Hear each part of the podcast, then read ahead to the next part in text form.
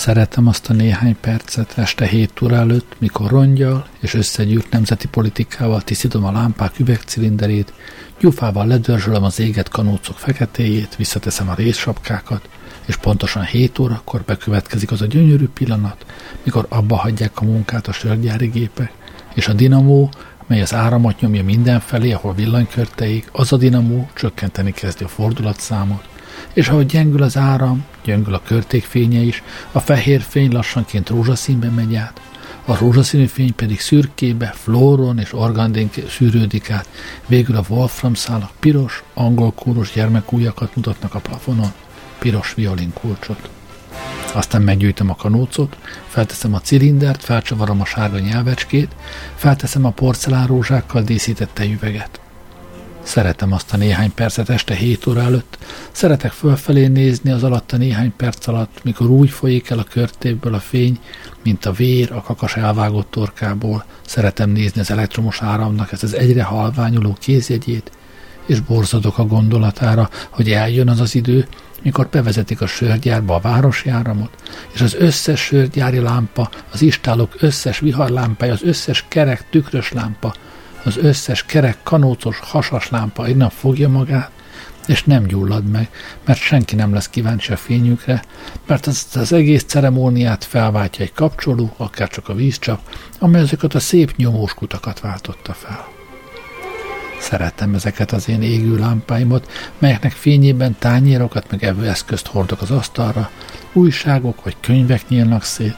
Szeretem a lámpáktól megvilágított, csak úgy az abraszon pihenő kezeket, a levágott emberi kezeket, melyeknek ránc kézírásából kiolvasható annak az embernek a jelleme, aki az a kéz.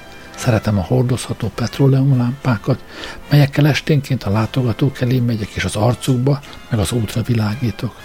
Szeretem azokat a lámpákat, melyeknek fényében függönyöket horgolok, és mélyen álmodozom azokat a lámpákat, melyek egy erőszakos fújással eloltva szúros szagot árasztana, és ez a szak szemrehányással önti el a sötét szobát.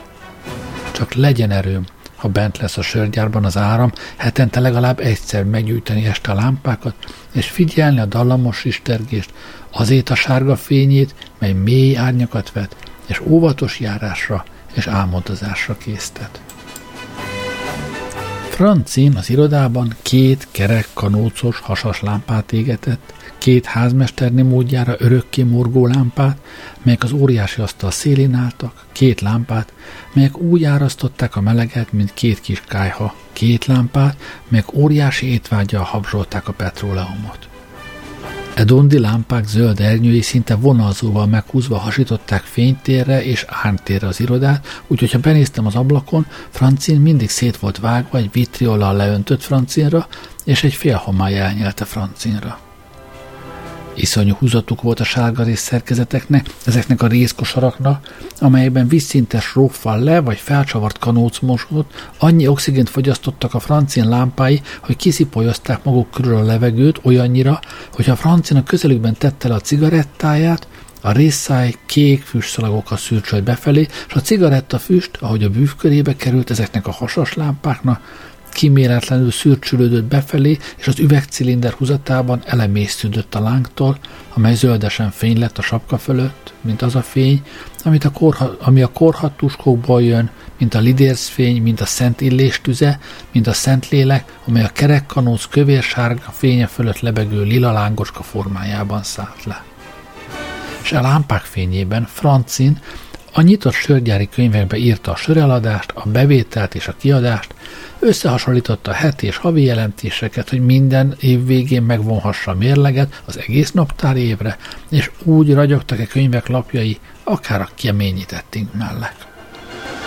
Ha Francin lapozott, a két hasas lámpa úgy felháborodott minden mozdulaton, hogy kialvással fenyegetett. Elterpeszkedtek a lámpák, mintha két álmából felvert nagy madár lenne ott, az a két lámpa a szó szoros értelmében mérgesen tekergette hosszú nyakát, széjjel haigáltak a plafonon azokat a szüntelenül lélegző árnyátékokat, azokat az özönvíz előtti állatokat, a plafonon, ezekben a félárnyékokban mindig lobogó elefántfüleket láttam, lélegző csontvázmálkasokat, két nagy éjjeli lepkét odaszögezve ahhoz a fénycölöphöz, amely az üvegcilinderből állt ki, és emelkedett egyenesen a plafon felé, ahol mindegyik lámpa fölött vakító, kerek tükröcskefény lett, egy-egy élesen megvilágított ezüst pénzdarab, amely szagadatlanul, alig észrevehetően, de mégis mozgott, kifejezve melyik-melyik a maga lámpájának hangulatát.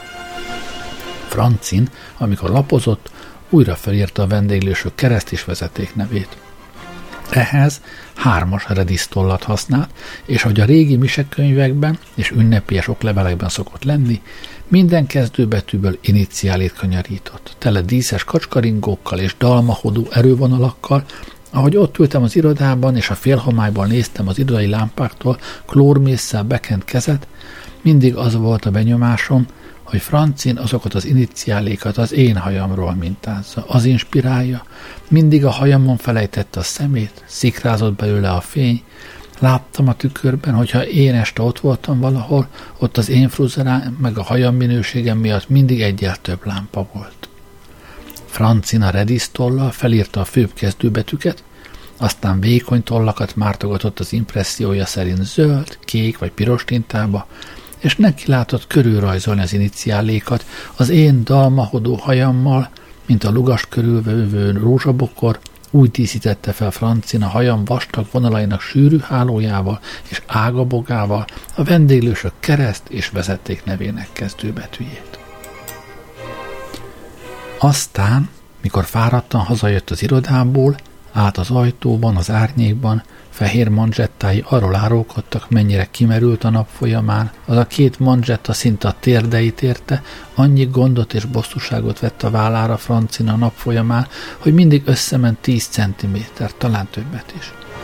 Én pedig tudtam, hogy a legnagyobb gond én vagyok, hogy mióta először megpillantott, láthatatlan és mégis oly konkrét hátizsákban cipel a hátán, és az a hátizsák napról napra nehezebb.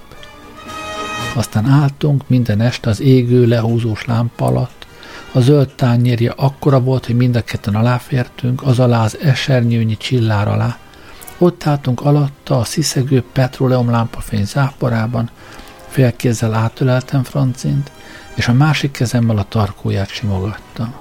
Neki le volt hunyva a szeme, és mélyeket lélegzett, és mikor megnyugodott, átölelt a derekamat, úgy nézett ki, hogy valami szalontáncba akarunk fogni, csak hogy valami többről volt szó.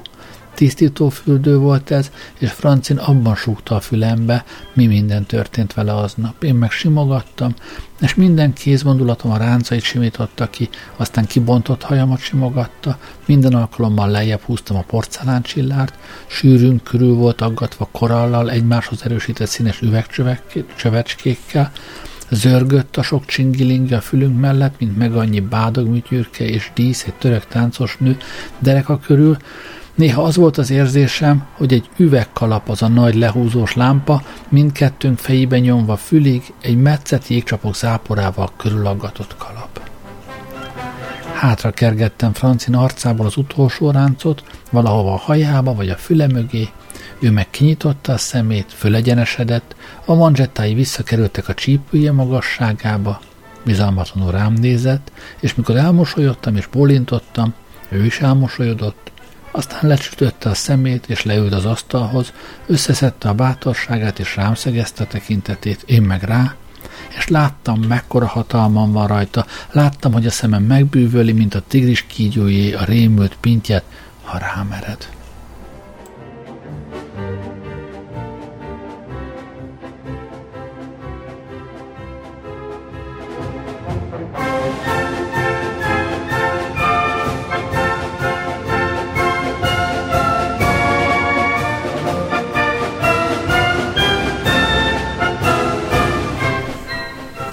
Este nyerítés hallatszott be a sötét udvarról, aztán még egy nyihogás, aztán paták dobogás hangzott fel, láncok csörgése és csatok csilingelése. Francin felegyenesedett és fülelt, fogtam a lámpát, kimentem a folyosóra és kinyitottam az ajtót. A sörgyári kocsis kiabált odakint a sötétben. Hola, Ede, Kare, hola, Istene! De mondhatta azoknak, vágtattak ki az istálóból a herélt belga lovak lámpával a szügyükön úgy, ahogy megjöttek fáradtan, kifogva a kocsiból, igástól és a hámszegélyére akasztott istránggal, teljes szerszámban az egész napi sörhordás után, amikor mindenki azt hitte, hogy ezek a herélt csődörök másra se gondolna, mint a szénára, a puttony cefrére, meg a láda zabra, szóval ez a két ló évente négyszer váratlanul visszaemlékezett csődöréveire, meg kifejezett még kifejletlen mirigyekkel, de mégis már mirigyekkel teli geniális ifjúságokra is fellázatta, csináltak egy kis lázadást, sötét alkonyokon játottak egymásnak az istálóba hazatérőben, és megbokrosodtak, megbokrosodta, csak az emberek mondják, hogy ezek volt csődörök megbokrosodta. Nem bokrosodtak meg azok, csak nem felejtették el, hogy még mindig, és az utolsó pillanatig követelheti az állat is a szabadság útját. Most a szolgálatai lakások mellett száguldottak a betonjárdán, patáig szikrát hányta, s a vezetékló szügyén dühötten rángatózott és hánykolódott a lámpa, és röpködő csatokat és szakadt istrángot világított meg. Kihajoltam, és a petróleumlámpa finom fényében átrepült a belga pár, a kövér, óriási herélt csődörő, Ede és Káre, 25 méter mázsát nyomtak együtt, és a 25 méter mázsát most mozgásba hozták, és az a mozgás minduntalan zuhanással fenyegetett, és az egyik ló zuhanása a másikét is jelentette, mert egymáshoz láncolták őket a hevederek, meg a bőrcsaptok, meg a gyeplő, de mintha folyton összebeszéltek volna abban a vágtában, mindketten egyszerre bokrosodtak meg, és hol az egyik, hol a másik vezetett, nem többel, mint néhány centiméterrel, mögöttük szaladt a szegény kocsis az ostorra, kivert a hideg veríté, hogyha az egyik ló a lábát törné, hány évig vonná azt le neki a sörgyárigazgatóság. A két ló veszte meg azt jelenteni, hogy fizethet élete végéig. Hola, Ede, Káre, hola, Istene! Ám a fogat már a malét, malátázó előtti húzattal robogott szemközt, most lágyabbak lettek a pattáik a kemény, meg a szérű melletti sáros úton, lassítottak is a lovak, aztán az istállóknál, a maskaköveken megint gyorsítottak, a folyosók petróleum lámpáinak szögletes fényaknáitól bevilágított kis betonjárdán pedig, azon a járdán, melyből minden földön vonzott csat, minden lánc, minden patkó szikrákat csiholt, szóval ott nekiramodott a két belga, nem is rohanás volt az már, hanem visszafogott zuhanás, mint a vásári trombita úgy fújtattak az orlikai, szemük kimered és iszonyjal tele, az irodánál a kanyarban mindkettő, mint egy bőrleszben megcsúszott a betonjárdán, de siklottak tovább szikrákat hányó hátsó patáikon, a kocsis megdermett félelmében. Francin az ajtóhoz szaladt, de én az ajtófélfának támaszkodva álltam, és imádkoztam, hogy ne essék semmi bajuk a lovaknak. Nagyon jól tudtam, hogy az ő esetük az enyém is, és Ede meg Kare újra egyetértésben ügetett egymás mellett a malátázó húzatjával szemben, Patkóik lehalkultak a puha sárban, a csíráztató szírű melletti úton, és megint játadtak egymásnak, és harmadszor is nekiramotta. A kocsis félreugrott, s a lámpa, hogy az egyik ló megrántotta a kantárt, nagy ívben elrepült, és pozdorjává tört a mosókonyhán. A csörrenés új erőt adott a belgáknak, felnyerítette, előbb egymás után, aztán mindketten egyszerre, és nekiramodtak a betonjárdán. Francint néztem, mintha én változtam volna át egy belga csődörpárrá, az én lázongó természetem volt az, ha vonta egyszer őrjöngeni egy jót, én is negyedévenkénti szabadságvágyban szenvedtem, én, aki herélt sem voltam, épp ellenkezőleg egészséges, olykor túlságosan is. Francin meg rám nézett, és látta, hogy a megbokrosodott belga fogat az a két világos lobogó sörény, meg a két hatalmas, barna test mögött a levegőben lobogó farcsóva, mindez én vagyok, nem én, hanem az én természetem, az én sötét éjszakán végigröpülő, megbokrosodott arany frizurám, az én lobogó, össze nem fogott hajam, félretolt, és most ott állt Francin, előre nyújtott kézzel a folyósorról áradó fény alagútjában, fölemelt kézre a lovak elé lépett, és Idudududududu, holá! kiáltott, a herélt belga csődörök, csődörök lefékezte, patkóik alól szikráztak, szikrák röpködtek, Francin hátraugorva kantára ragadta a vezetéklovat, megrántotta a kantát, az abla belemélyedt az állathauzó pofájába, és a lovak mozgása lecsillapodott, a csatok, a gyeplő és a szerszám szíjai a földre este, odaszaladt a kocsis, és kantáron fogta a nyerkest.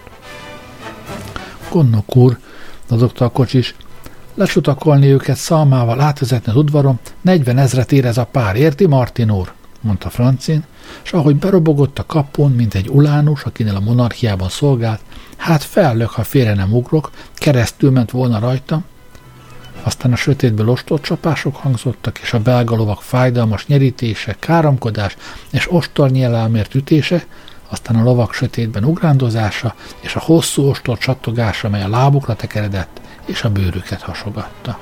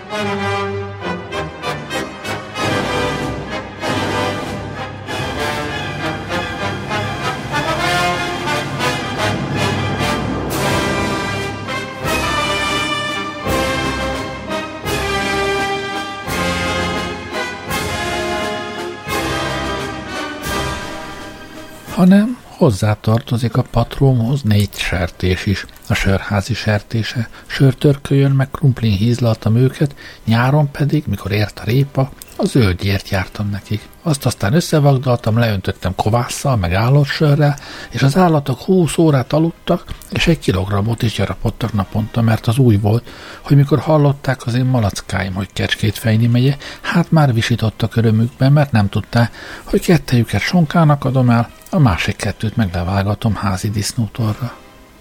Mikor megvoltam a kecskefejéssel, már visongtak elragadtatásukban a malackák, mert tudták, hogy az egész kifej tejet egyenesen elébük öntöm. Cicavarek úr csak ránézett a malacra, és már mondta is mennyit nyom, és az mindig annyi is volt, aztán felnyalábolta, és bedobta őket egy olyan böllérkocsiba, hálót vont felébük, és azt mondta. Ellenkeznek a kis dögő, akárcsak az anyjukon, mikor fiúkoromban először csókoltam meg. Aztán mondtam búcsúzól a malackáimna. Pápá malackáim, remek sonka lesz belőletek. Tudtam, hogy a malacok nem vágynak ilyen dicsőségre, de hát egy halállal mindannyian tartozunk, a természet pedig könyörületes, ha már nincs mit tenni, akkor minden élőt, aminek hamarosan meg kell halnia, elfog az iszonyat, mintha csak állatnak, embernek kiégnének a biztosítékai, aztán már nem érez semmit, és nem fáj semmi, az iszonyat lecsavarja a kanócot, hogy az élet már csak úgy pislákol, és rémületében nem tud semmiről. A böllérekkel nem volt szerencsém. Az első annyi gyömbért tolt a hurkába, hogy édesség lett belőle. A második annyit ivott reggel óta, hogy amikor felemelte a husángot, hogy elkábítsa vele a disznót, a saját lábát tört el. Ott álltam az odakészített késsel, mérgemben majd a böllért vágtam le, ráadásul vihettem kocsin a kórházba, és szaladgálhattam másik után. A harmadik böllér meg a föld találmányával jött. Felfedezte a forrázás helyett a forrasztó lámpával való perselést, a leves helyett a bőlért kellett volna a WC-be öntenem, mert egyrészt benne maradt a bőrben a sörte, másrészt és főleg benzinszagú volt a disznó, és a kanálisba kellett öntenünk a levest, mert még a megmaradt disznónak se kellett. A miclik úr, az bőlér volt az én szájam íze szerint való.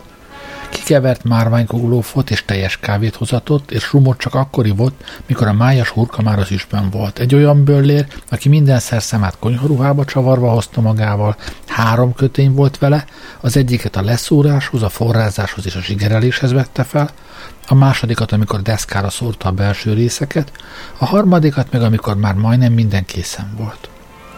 Arra is kioktatott Miszlik úr, hogy vegyek egy üstöt tartalékba, és az csak a hurkák, meg a disznósajt, meg a belsőségek abálására, meg a zsír kisütésére használjam. Mert amit fazékban abálnak, annak szaga marad.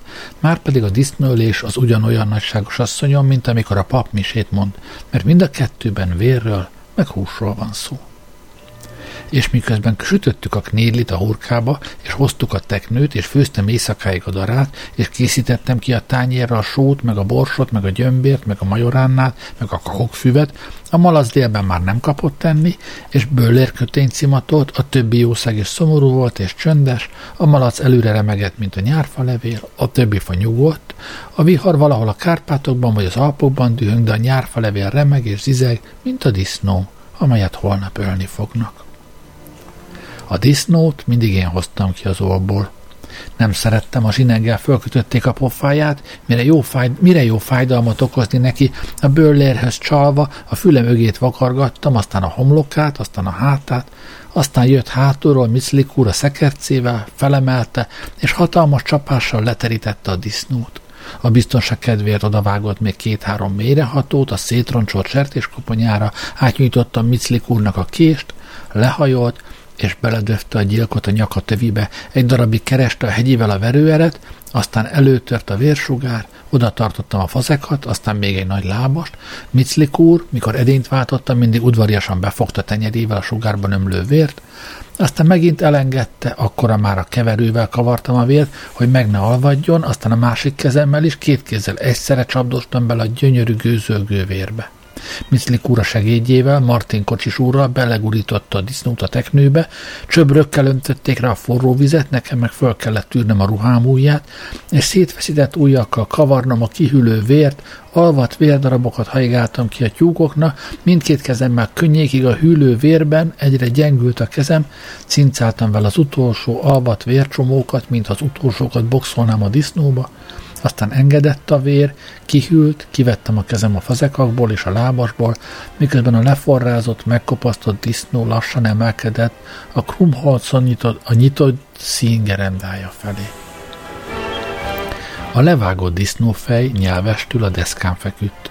Éppen elhoztam a két lapockát, és már szaladtam is át az udvaron a kendőm alatt összefogott hajjal, hogy egy percet se szalasszak el, mert Mizlik úr már kiontotta a beleket, és utasította a segédjét, hogy menjen és fordítsa ki és mossa ki őket, magam meg emlékezetből turkált a disznó belső részeiben, mint a vakhanusz a toronyórában, elelvágott valamit, kiszabadult a lép, a máj, a gyomor, végül a tüdő, meg a szív is, oda tartottam a csöbröt, és belefordult az egész gyönyörű pájsli, a nedves színeknek és formáknak ez a szimfóniája.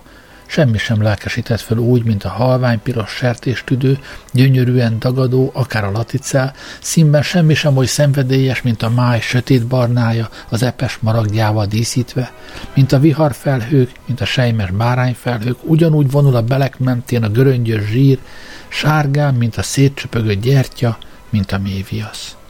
A gége is kék, meg halványpiros gyűrűkből van összerakva, mint a színes porszívó csöve.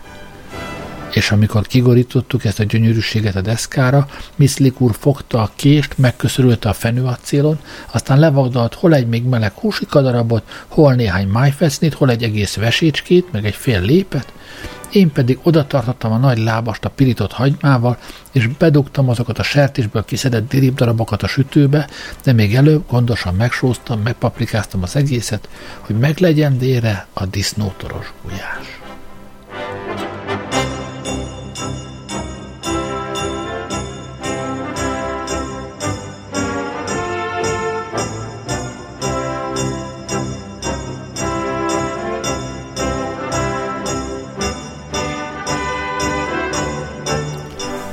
Szittával kiszedtem a megfőtt disznó aprólékot, a lapockát, a félbevágott fejet, kifordítottam őket a deszkára, húsdarabot húsdarab után, Miszlik úr kiszedte a csontokat, és amikor egy kicsit kihűlt a hús, ujjam közé fogtam egy darab fület, meg egy darab fejhúst, kenyér helyett disznófület haraptam hozzá, Francin kijött a konyhába, soha nem evett, egy falatot se tudott lenyelni, hát csak állt a kájhánál, egy üres kenyeret evett, kávét ivott hozzá, és nézett rám, és helyettem széljelte magát, én meg jó ízűen ettem, és ittam a sört literes üvegből, Miclik úr mosolygott, és csak úgy udvariasságból vett egy darab hús, de aztán meggondolta magát, és a teljes kávé, meg a márványkuglóf mellett döntött. Aztán fogta a hintakést, feltűrte a ruhaújjat, és hatalmas mozdulatok kikezdték a húsdarabok alakját és funkcióját, és a hintázó kések félholdjaitól lassan töltelékké változott a hús, Miszlik oda tartotta tenyerét, beleszórtam a leforrázott fűszert, Miszlik úr volt az egyetlen olyan böllér, akinek le kellett öntenem forró vízzel a fűszert, mert, mint mondta, én azt nagyon is tapintólagosan értettem, finomabb lesz azoknak az illatoknak az eloszlása. Aztán hozzátette a beáztatott knédlit, és hatalmas tenyerével, ujjaival megint összedögönyözött és összekevert mindent, aztán mindkét kezéről lehúzta a tölteléket, beletúrt, megkóstolta, és szép volt ebben a percben, mint egy költő, extázisban a mennyezetre nézett, és ezt is ismételgette magában.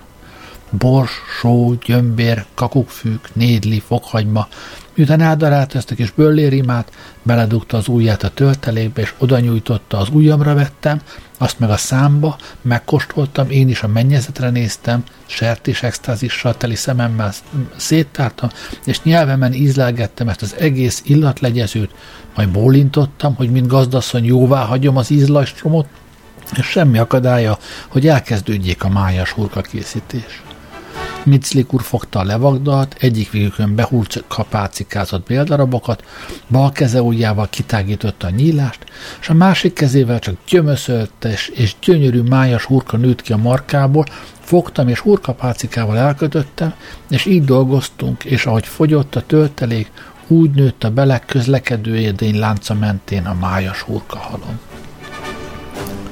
Martinul hol maradozik már megint? Kiabált minduntalan Miclik úr, és Martin kocsis úrral mindannyiszor az történt, talán egész életében valahányszor egy kis ideje akadt, hogy elácsorgott a színben, az ólban, a kocsi mögött, a folyosókon, elővette egy kis kerek tükröt, és bámulta magát benne. Annyira tetszett saját magána, hogy megrendülve azon, amit a kerek tükörben látott, egész órákat volt képes eláldogálni az istálóban, elfelejtett hazamenni, mert csipesszel tépdeste orrából a szőrszálakat, tépkedte a pamacsokat a szemöldökéből, sőt nem csak a haját, hanem még a szempilláját is festette és pudarozta az arcát. Mondtam magamban, nekem a következő disznóhoz más segédet küldjön a francina sörgyárból. Martin úr, hol volt már megint az Istenért? Szíveskedjék fölvaggalni itt ezt a bélhájat, darás meg zsemlés véres hurkát fogunk csinálni. Hol volt? Miclik úr töltötte a darás hurkát, már megitta a második stamperlit, egyszerre csak belenyúlt a véres hurka töltelékbe, és vércsikot kent az arcomra. Elnevette magát, apró szeme megcsillant, mint egy gyűrű, belenyúltam a véres lábosba, és amikor arcon akartam kenni a büllért, böllért, az elugrott, mire tenyérrel a fehér falnak estem, de mire sikerült összekennem, Miszlik úr már nyomta és rám a második flekket, és közben pácikázta tovább a hurkát. Megint belenyúltam a vérbe, és nekieredtem. Miszlik úr néhányszor félreugrott, mint a szavajai táncban, aztán összevéreztem az arcát, pácikáztam tovább a darás véres hurkát, és nevettem, hogy a böllére néztem. Egészséges, öblös nevetéssel nevetett, nem csak a file nevetés volt az, hanem valahonnan a pogánykorból jövő nevetés, mikor az emberek hittek a vér és a nyál erejében.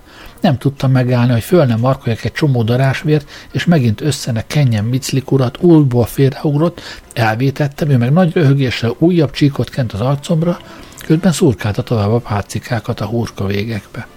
Martin úr hozott egy rekesz sört az erjesztőből, és amikor óvatosan lehajolt, egész maroknyi véres tölteléket mázoltam az arcába, Martin Kocsis úr kivette kezéből a kerek tükröt, megnézte magát benne, és alig, hanem jobban tetszett magának, mint bármikor máskor, egészséges nevetéssel felnevetett, és három ujjak közé fogott egy csipet tölteléket, beszaladtam a szobába, Martin úr utánam, kiabáltam, el sem jutott az agyamig, hogy a falon túl már ülésezik a sörgyár igazgatósági tanácsa, és áthallatszik a székzörgés, meg a kiabálás, de Martin úr összekent vérrel és nevetett, az a vér valahogy közelebb hozott bennünket egymáshoz.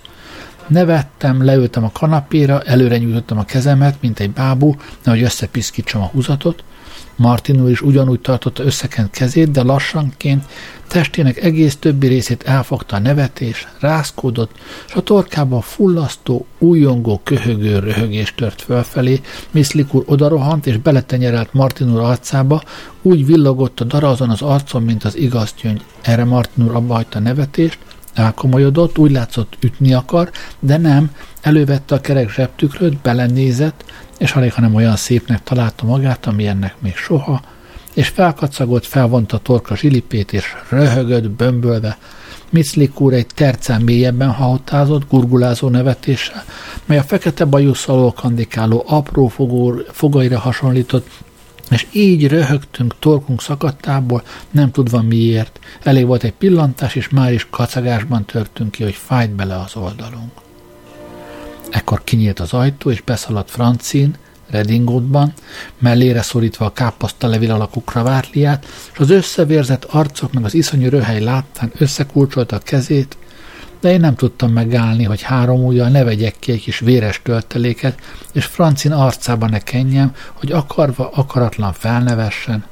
Ám de ő úgy megijedt, hogy azon véresen, hurkásan visszaszaladt az ülésterembe, az elnökség két tagja hanyat vágódott, mert azt hitték büntény esett a serfőzdében, maga az elnök, Gruntorát doktor úgy rohant be a konyhába a hátsó bejáraton, körülnézett, aztán amikor látta azt a nagy röhögést az összevérzett arcokon, fellélegzett, leült, én meg töltelékes kezemmel piros csíkot húztam a doktor úr arcára, egy röpke pillanatra mindannyian elhallgattunk, könnye folyós szemmel néztük dr. Gruntardot, ő meg felállt és ökölbe szorította a kezét, és buldog kalapács, buldog állkapcsot vicsorított, ám egyszerre csak felkacagott, a vérereje tette, az a szakrális valami, hogy nem tudom mi el legyen hárítva, emberemlékezet óta így tombolták ki magukat az embere, sertésvérrel való összekenőcködéssel. A doktor úr belenyúlt a töltelékbe, és nekiramodott, kacagva szaladtam a szobába, nem talált el a doktor úr, rátenyerelt a megvetett ágyra, megint kiment a konyhába, és teli marokkal jött vissza, az asztal körül kergetőztünk, a fehér abrosz tele volt a tenyérlenyomataimmal, Runtorát doktor pillanatonként otthagyta véres névjegyét az abroszon, megelőzött, visongva szaladtam ki a folyosóra, ami az ülésteremmel köti össze a lakásunkat. A teremben már égett a villany, én meg berohantam az ülésbe, arany csillárok alattú, zöld posztóval bevont asztal, rajta nyitott akták, meg jelentések. Gruntorád elnök úr utánam szaladt, az igazgató tanács minden tagja azt hitte, hogy az elnök úr meg akar ölni, sőt, már meg is kísérelte. Francin ült a széken, és a homlokát törölgette a véres kezével. Az elnök úr néhányszor körül szaladta velem az asztalt, visongtam, mindkettőnkről csurgott az izzadság, akkor megcsúsztam és elestem, és dr. Gruntorál, a korlátolt felelősségi városi sörgyár elnöke, az arcomba tenyerelt és leült, lógtak a manzsettái, rájött a nevetés, nevetett, akárcsak én, nevettünk, de a nevetés csak fokozta az elnökségi tagok rémületét, mert mind azt hitte, hogy meghibbantunk. Ha nem veszik rossz néven, uraim, meghívom magukat a disznótorra, mondtam. Gruntorát doktor úr hozzátette. Maga meg, gondnok úr, intézkedjék, hogy hozzanak az erjesztőből tíz rekesz ászoksört. Mit tizet? Húsz rekeszt. Jöjjenek, kérem, uraim, de a disznótoros gulyást leveses tányérból kell enniük, kanállal, csurig és mindjárt jön a májas hurk a tormával, meg a zsemlés véres hurkácska. Erre kérem, uraim, tessék át be véres kézmozdulatokkal a vendégeket a hátsó bejáraton. Aztán késő éjszaka az igazgatósági tanástagjai szétszélettek a bricskáikban, kiki a maga kuckója felé, mindenüket lámpá, mindüket lámpával a kezemben kísértem ki, a kapu elé beálltak a bricskák, a sárfogóra erősített égő kocsilámpák a lovak tomporán, tompán fénylő farára világította, az igazgatósági tanács összes tagjai kezet fogtak Francinnal, és váron veregették.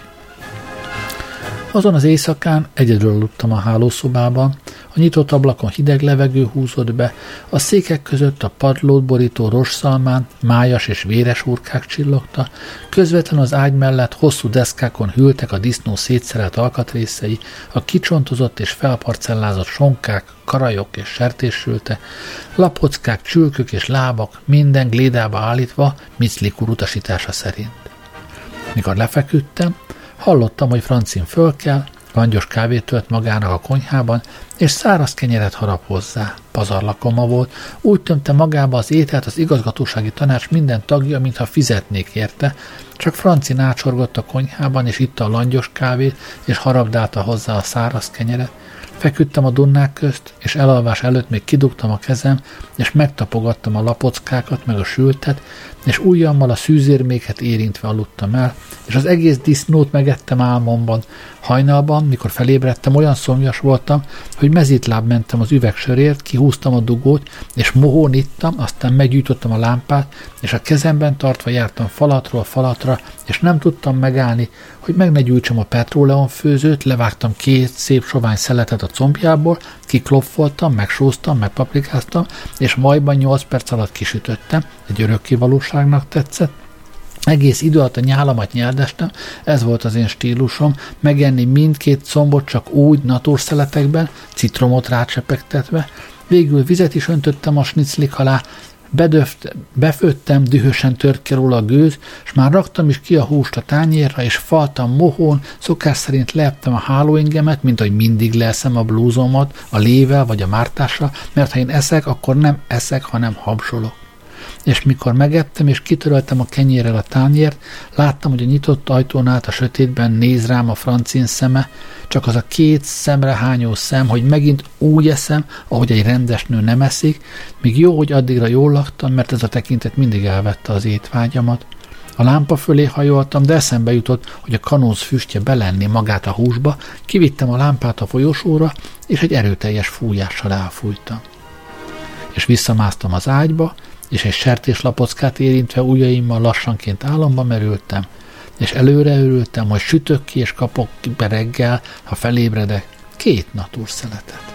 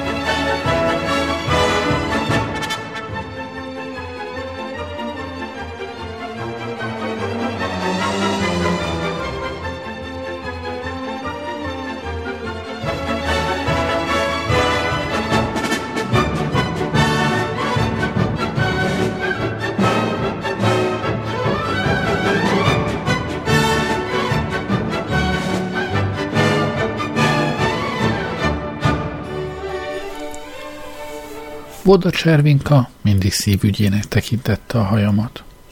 Azt mondta, ez a haja régi szép időkben maradt, itt sose volt ilyen hajafésű maradt. Ha Voda kifésült a hajamat, mintha két fákját gyújtott volna meg az üzletben, a tükörben, meg a tálakban, meg a korsókban fellángolt a hajam mágiája, és kénytelen voltam elismerni, hogy Bodának igaza van. Sose láttam olyan szépnek a hajamat, mint Bodánál az üzletben, amikor megmosta abban a kamillateában, amit otthon főztem, és a teljes kannában hoztam magammal. Amíg nedves volt a hajam, soha nem nézett ki belőle az, ami száradás közben történt vele. Ahogy száradni kezdett, mintha csak ezer arany méh, ezer Szent János bogárka született volna azokban a hajfolyamokban, mintha ezer borostyánkő robbant volna szét és amikor Boda először húzta át a fésűt a sörényemen, hát pattogott és szikrát hányt a hajam, és feldúzzadt, és megnőtt, és fort, és Bodának le kellett térdelnia, mintha két egymás mellett álló csődör farkát fésülnék kaparóval. És fény gyúlt az üzletében, a biciklisták leugráltak a kerékpárjaikról, és a kirakat üveghez gyomták az orrukat, hogy lássák és megtudják, mi vonzotta oda a szemüket. Maga Boda meg elmerült a hajam felhőzetében, és hogy zavartalanul tehesse, mindig bezárta a boltot, pillanatonként belém szagolt, és amikor végzett a fésüléssel, kélyesen felsóhajtott, csak aztán fogta össze hajamat a maga ízlése szerint, de én rábíztam magam, hol lila, hol zöld, hol piros vagy kék pántlikával, mintha valami katolikus szertartás részét képezném, mintha valami egyházi ünnep részét képezné a hajam. Aztán kinyitott az üzletet, kitolta a biciklimet, felakasztotta a teljes kannámat a vázra, és udvariasan a nyerekbe segített. De akkorra már egész tömeg verődött össze az üzlet előtt, mindenki azt a kamillaszagú hajat bámulta. Amikor beletapostam a pedálba, Buda úr egy darabig szaladt mellettem, és fogta a hajamat, nehogy bekapja a lánc vagy valamelyik drót.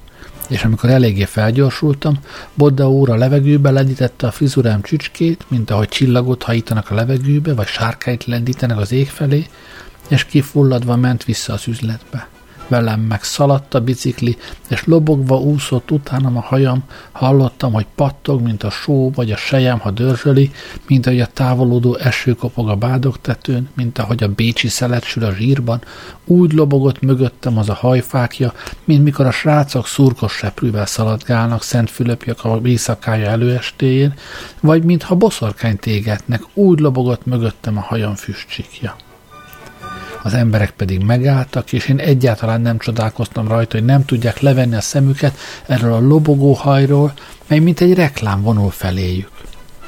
Nekem is jól esett látni, hogy látna, az üres kamillás kanna a kormányhoz ütődve csilingelt, és az áramló levegő fésülje hátrafelé fésülte a hajam. Átvonultam a téren, minden tekintet az én lobogó hajdíszemben futott össze, akár a drótok a bicikli kerekében, amelyen a pedál taposta az én mozgásba lendült énem. Francin kétszer látott így lobogni, és az én lobogó haja mind a kétszer belé folytotta a szuszt, meg se szólított, mintha nem ismerne, képtelen volt oda kiáltani, váratlan megjelenésem úgy megbénította, hogy odalapult a falhoz, és várnia kellett egy darabig, hogy újra lélegzethez jusson, az volt a benyomásom, hogyha megszólítanám, összerogyna, a szerelmessége az nyomta oda a falhoz, mint az az árva gyereket az Ales festőtől az olvasókönyvben.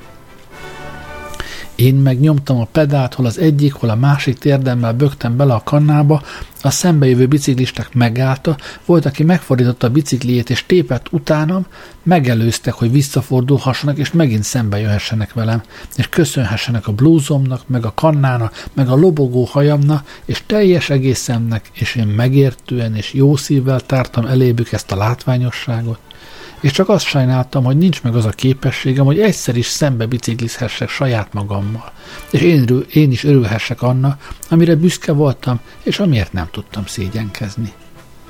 Még egyszer végigmentem a téren, aztán a főúton a Grand Hotel előtt, ott állt egy Orion, az Orion előtt Francin gyertyával a kezében, ott állt a motorbicikliével, és biztos látott, de úgy tett, mintha nem látna. Folyton baj volt az Orionjával, a gyújtással, és egyáltalán Francin ezért nem csak az összes kulcsot, meg fogót, meg srófúzót hordta magával az oldalkocsiban, hanem még egy kis lábmeghajtású esztergapadot is.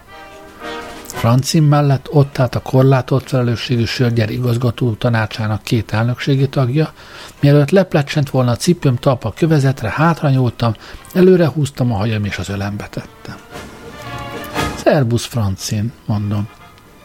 Francin belefújt a gyertyába, és hogy meghallotta a hangomat, ujja közül kiesett a gyertya, az arcán két piszok csíka szereléstől. Kezét csókolom, köszönt az igazgatósági tanács két tagja. Jó napot, uraim, szép időnk van ma, mi? mondtam, és Francin a feje búbjáig elvörösödött. Hová ejtetted, Francin, azt a gyertyát, kérdem.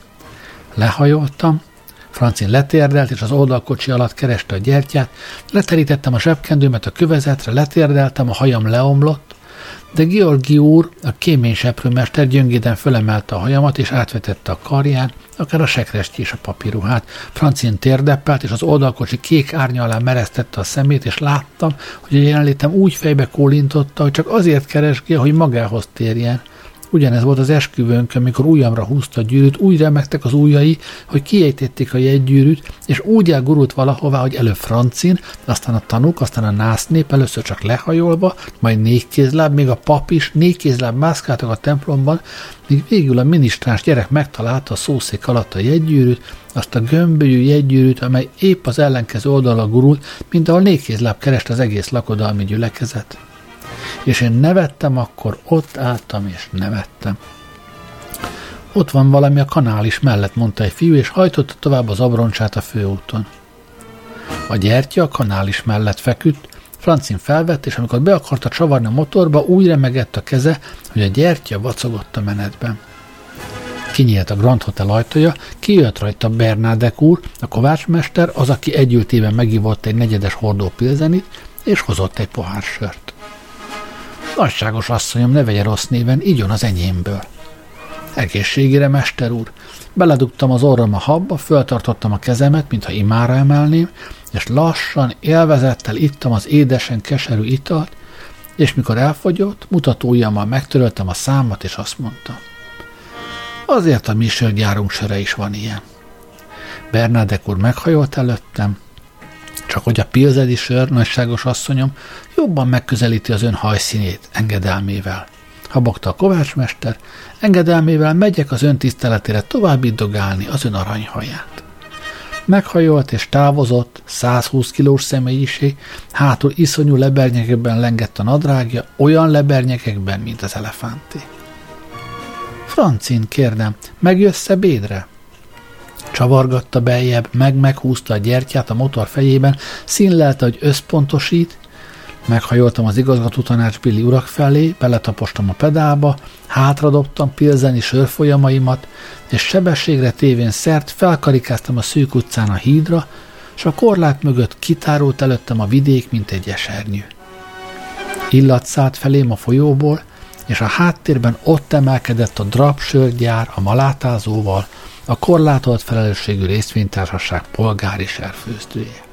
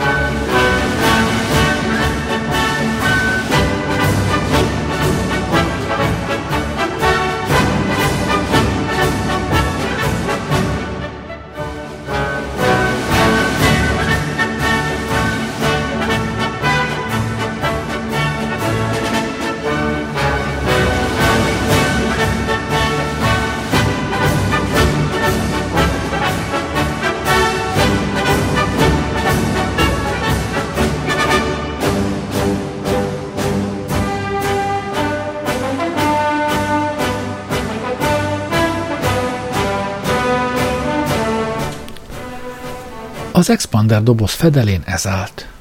Önnek is ilyen szép teste lesz, hatalmas izmai és iszonyú ereje. És Francin minden reggel edzette az izmait, mert bár ugyanolyan ragyogóak voltak, mint az expander fedelén látható gladiátoré, Francin saját magát nyúzott nyúlnak látta. Föltettem a rezsóra egy fazék krumplit, felvettem a dobozt, amelyen annak a gyönyörű izomférfiúnak a fényképe díszelget, és hangosan felolvastam. Önnek is akkora ereje lesz, mint a tigrisnek, amely mancsa egyetlen csapásával leüti a nála sokkal nagyobb marhát. Francin kinézett a járdára, és kezében lekókat az expander, mint egy szolstok, a hevelőre rögyött, és azt mondta. Pepin. Akkor végre meglátom a bátyádat, végre hallani fogom a hangját a sógoromnak, a sógorkámnak. Ezzel neki támaszkodtam az ablakkeretnek, ott állt a járdán egy ember, ovális kis kalapban, kockás lovaglónadrágja zöld tiroli harisnyájába gyűrve, fintorgatta az orrát, és a hátán katonai rükszákot hordott. Józin bácsi, kiáltottam a küszöbről, kerüljön beljebb. Hát, én volnék a maga sógornője, Isten hozta. A mindenit, ez ám a szerencsé, hogy ilyen helyre sógornőm van, de hol a francin? kérdezte a bácsi, és csörtetett befelé a konyhába meg a szobába. Hát te mi van veled? Fekszel? No, a mindenit, eljöttem hozzátok látogatóba, nem maradok tovább két hétnél, találta a nagybácsi, és hangja zúgva hasította a levegőt, mint egy lobogó, mint egy katonai vezényszó, és Francint minden szó áramütésként érte, fel-felpattant, és magára gabajította a takarót. Mindenki üdvöző, csak Bohaléda nem, amma a föld alatt van valami, tahienervel puskaport tett neki a tűzifához, azt amikor a vénasszony betette a sparháltba, fölrobbant és képen törölte a vénasszonyt, hogy rándult egyet, azt vége volt. Oha Léna, csaptam össze a kezemet. Az a maga nővére volt. Nővérem a fenét, a koma asszonyom volt, olyan vénasszony volt az, hogy egész nap almák meg butták rögtöttek a keziből, és 30 évig mondta, gyerekek, én nem soká meghalok, én már legszívesebben semmi se csinálnék, csak alunni, hanem rajtam is van valami kórság, mondta a nagybácsi, kibogozta a hátizsák zsinegét, és a padlóra szórta a cipés szerszámait. Francin, ahogy meghallotta ezt a csörömpölést, tenyerébe temette arcát, és úgy jajgatott, mintha az agyába szórta volna a nagybácsi a Schuster számot. Józin bácsi, mondtam, elébe tartva a tepsit. Tessék egy kis bukta. Rajtam a korság. Néni térdeltem le, és csaptam össze a kezem a kaptafák, kalapácsok, nejpek és egyéb Schusterholmik felett. Vigyázat, ilyet meg a bácsi, össze ne kenje nekem avval a hosszú hajával, hanem hallod-e, francim, az Boril pap úgy eltörte a combját csípőbe, hogy nyomorék lesz egész életibe. Szavicsák bácsi tetőt javított a templomtornyon, megcsúszott vele a palló, azt repült lefelé a bácsi, de elkapta az óra mutatóját. És így fogta a toronyóra mutatót, de a mutató kilazult, azt negyed tizenkettőről leszaladt fél tizenkettőre, akkor a bácsinak lefelé gurultába lecsúszott a keze mutatóról, és zuhant lefele, de hásfák vannak ott, és a bácsi beleesett az egyik hásfa koronájába, az Boril pap me, ahogy ott nézte, összekúcsolta a kezét, és látta, hogy esik lefele ágról ágra Zavicsák bácsi, aztán meg hanyatt, az szaladt hozzá mindjárt gratulálni az Boril pap, de elnézte a lépcsőt, és elesett, és eltölte a lábát. Ott az öreg Zavicsáknak kellett főpakolni az Boril papot, azt már vitték is a Projestovéi kórházba. Felvettem egy női cipőre való kaptafát, és megsimogattam.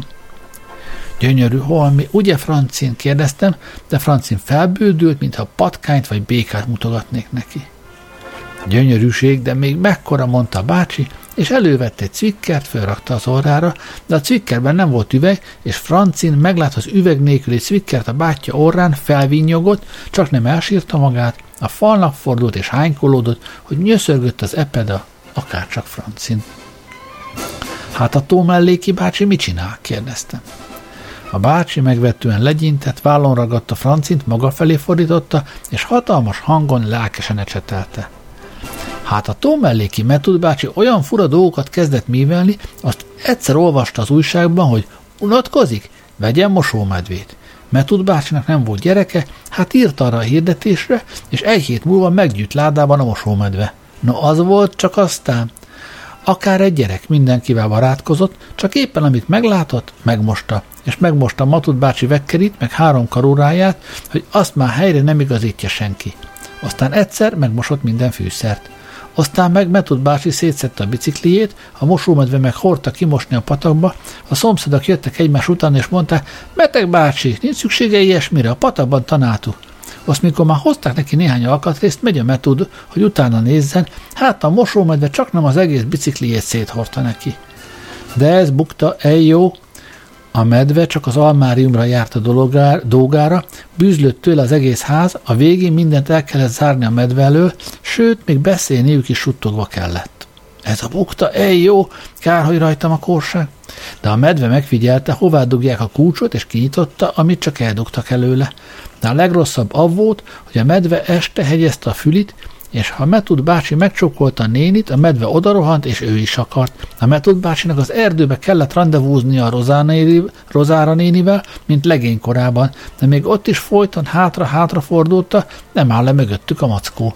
Szóval nem unatkoztak, míg nem egyszer két napra elutaztak, pünkös volt, és a medve unalmában széthajigálta a szobába a nagy cserépkájhát, és végleg úgy elintézte a bútort, meg a dunyhákat, meg a fehér neműt, hogy Metud bácsi leült, és apró hirdetést írt a morvasasba.